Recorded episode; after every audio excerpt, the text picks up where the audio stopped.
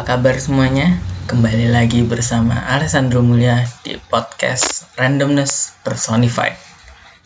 Kali ini kita akan masuk di episode 12. Apa sih tolok ukur seorang milenial?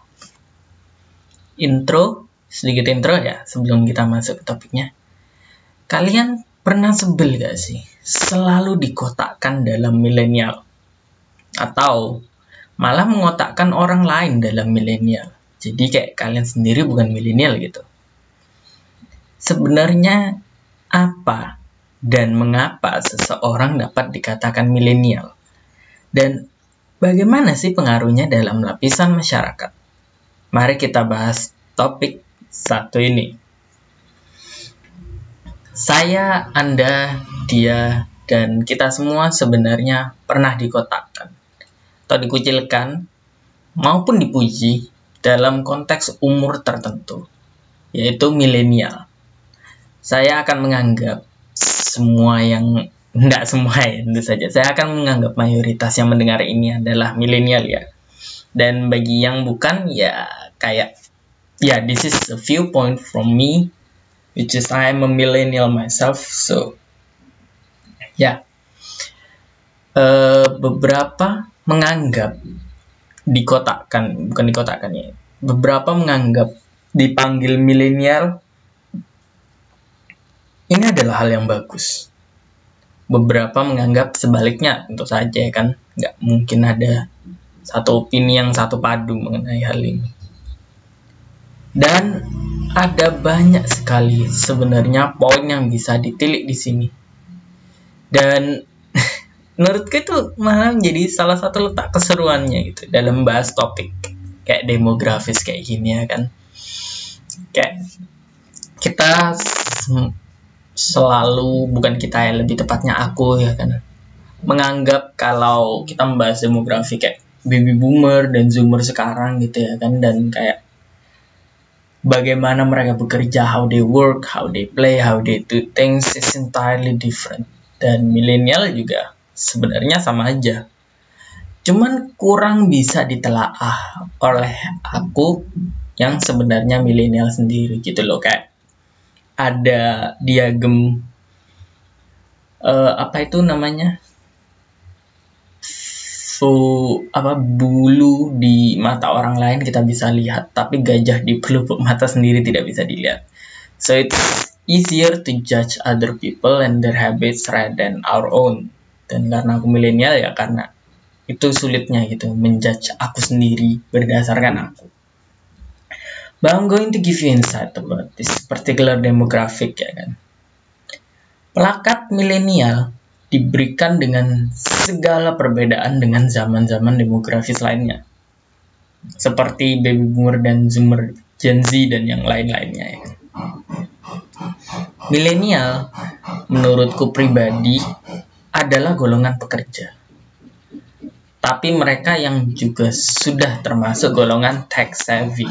Jadi mereka yang udah pernah mendapat uh, gadget gadget dan pertumbuhan teknologinya yang eksponensial gitu. Aku ingat pertama kali dulu kecil pakai Nokia masih Nokia yang 3310. Tapi zaman aku SMP udah ada BB itu ya kan iPhone dan sebagainya. SMA per, kita mendapatkan perkembangan teknologi yang eksponensial itu di masa yang muda, which makes us tech savvy.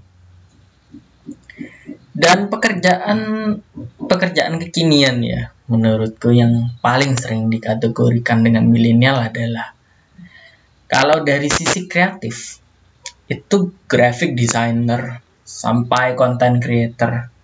Kalau anak-anak econ, economy biasanya business analyst sampai financial planner, everything.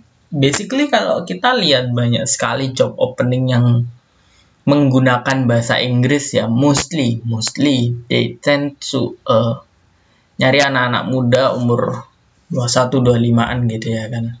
Dan itu mencakup milenial itu sendiri.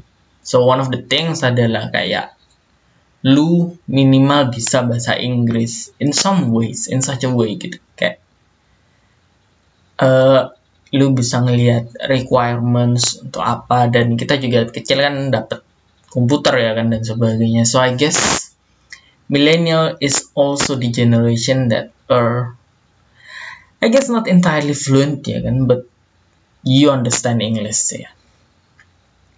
Dan mengenai pekerjaan walaupun aku nggak tahu banyak perubahan di hukum atau kayak linguistik bahasa gitu sih ya soalnya setauku dari dulu sampai sekarang kita bakal tetap butuh lawyer.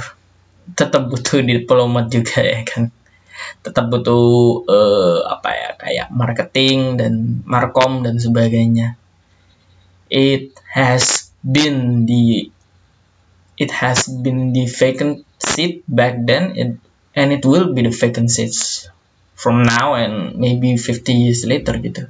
Stuff-stuff kayak gini nih menurutku semi essentials menurutku ya menurutku But the point here is that pekerjaan baru yang bermunculan biasanya membutuhkan lebih banyak keterampilan dengan teknologi yang membutuhkan UI, user interface kayak HP atau laptop yang membutuhkan kita untuk ngelihat layar untuk mengoperasikannya. Itu adalah salah satu kelebihan yang dipunyai millennials ya. Because we experience those firsthand, not the first generation tapi generasi di mana computer can do so many things. There's a lot of work that can be done in front of laptops. HP juga ya. Dan hal lain yang melekat dengan milenial adalah predikat anak muda. Walaupun memang sesungguhnya premisnya menarik sih. Jadi kayak milenial tuh identik dengan orang-orang yang seru, bombastis, kekinian, trendy, dan modis ya kan. Seperti kayak lowongan-lowongan pekerjaan seperti desainer dan sebagainya ya kan. Kita selalu disangkut pautkan dengan itu. Tapi sesungguhnya karena mostly dari milenial itu sendiri adalah orang-orang dengan umur produktif dan golongan pekerja. Amnya dari predikat anak muda itu sesungguhnya nggak serelevan itu kayak kita kerja gitu loh kayak we don't have that much money to buy things yang sebenarnya dipasarkan untuk milenial ya kan? Menurutku menurutku ini ya kan? Mungkin lebih tepatnya menyasar mereka yang bekerja kantoran atau punya all shop kali ya yang malah kayak antitesis dari opini gue yang sebelumnya malah ini ditujukan untuk mereka yang sudah kerja gitu loh yang bangga menyandang status milenial dan bekerja sebagai anak muda. Mungkin untuk menyasar anak muda yang anak muda yang benar-benar teenagers. Lebih tepat untuk menyasar yang di bawah milenial itu sendiri malah. I suppose they're called Gen Z ya atau ada yang bilang zoomer gitu gara-gara banyak pakai zoom gitu. Walaupun untuk membahas demografis lain demografis seperti baby boomer atau bla bla bla bla bla akan kita bahas di episode lainnya. Karena ya sungguhnya dibutuhkan lebih banyak referensi karena aku sendiri tidak lahir di rentang tahun mereka and I don't experience the kind of thing that they experience so it will be harder than this one kan?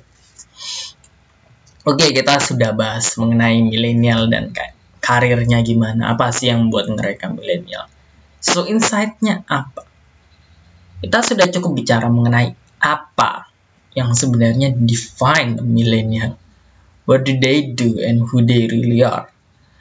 Tapi apa sih yang anak-anak separuh muda, separuh tua ini berikan kepada society, to the people, to the nation perhaps?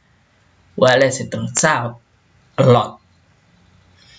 Milenial adalah generasi dengan usia produktif tertinggi dan termuda dibandingkan generasi lain. Jadi kita semua yang milenial di umur berapa ya? Mungkin 21 sampai 35 kita adalah orang-orang dengan usia produktif dan lebih muda dibandingkan yang lain gitu. Which means our career road is still long time long way ahead gitu. And ya ada baiknya kalau kita mulai ambisius tentang itu from early on I guess. Dan karena mileni mile dan karena mi, kebanyakan milenial sendiri berdiri di antara crossroads in between orang-orang konvensional dan anak-anak yang sekarang udah tech savvy. Milenial adalah penjembatan itu semua.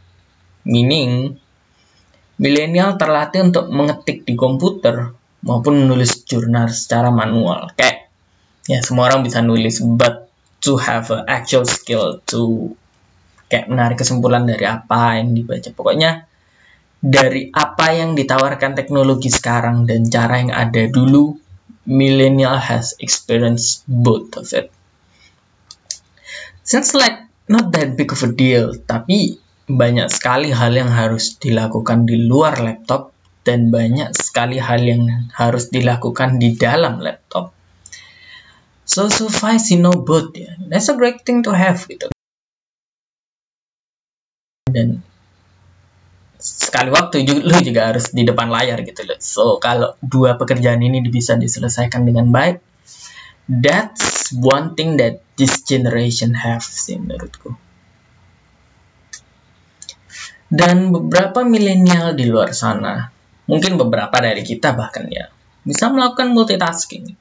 Dan berapa melakukannya dengan sangat sangat baik. Tahun-tahun ini banyak dari generasi ini yang berkuliah sambil melakukan pekerjaan rumah.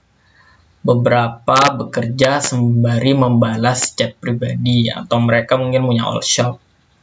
Yang lainnya ada yang gaming seraya membangun relasi dengan rekan-rekan setimnya ya kan.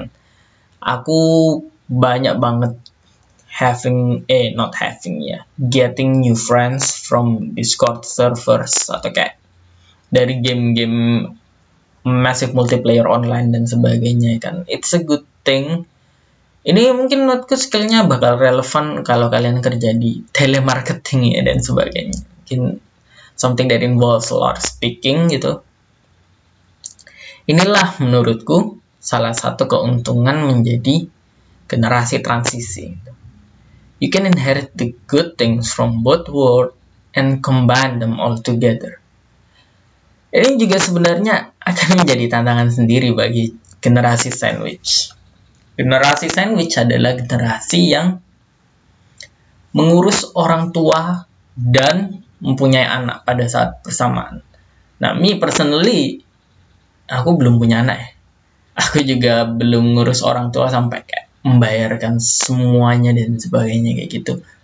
So I think this would be relevant to baby boomers tapi buat milenial yang umur 30-an gitu yang udah punya anak yang sekalian ngasuh orang tua ini masih relevan buat kalian ya kan as a sandwich generation gitu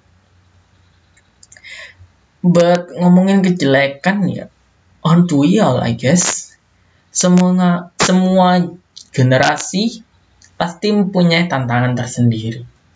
Dan dengan mengetahuinya lebih dulu menurutku ya menurutku kita bisa mempersiapkan diri lebih baik kali ini. Kayak kamu kalau udah tahu tantangannya you already know what you're good at and what you're bad at. Kayak kamu bisa refleksi diri gitu dan perbaiki diri.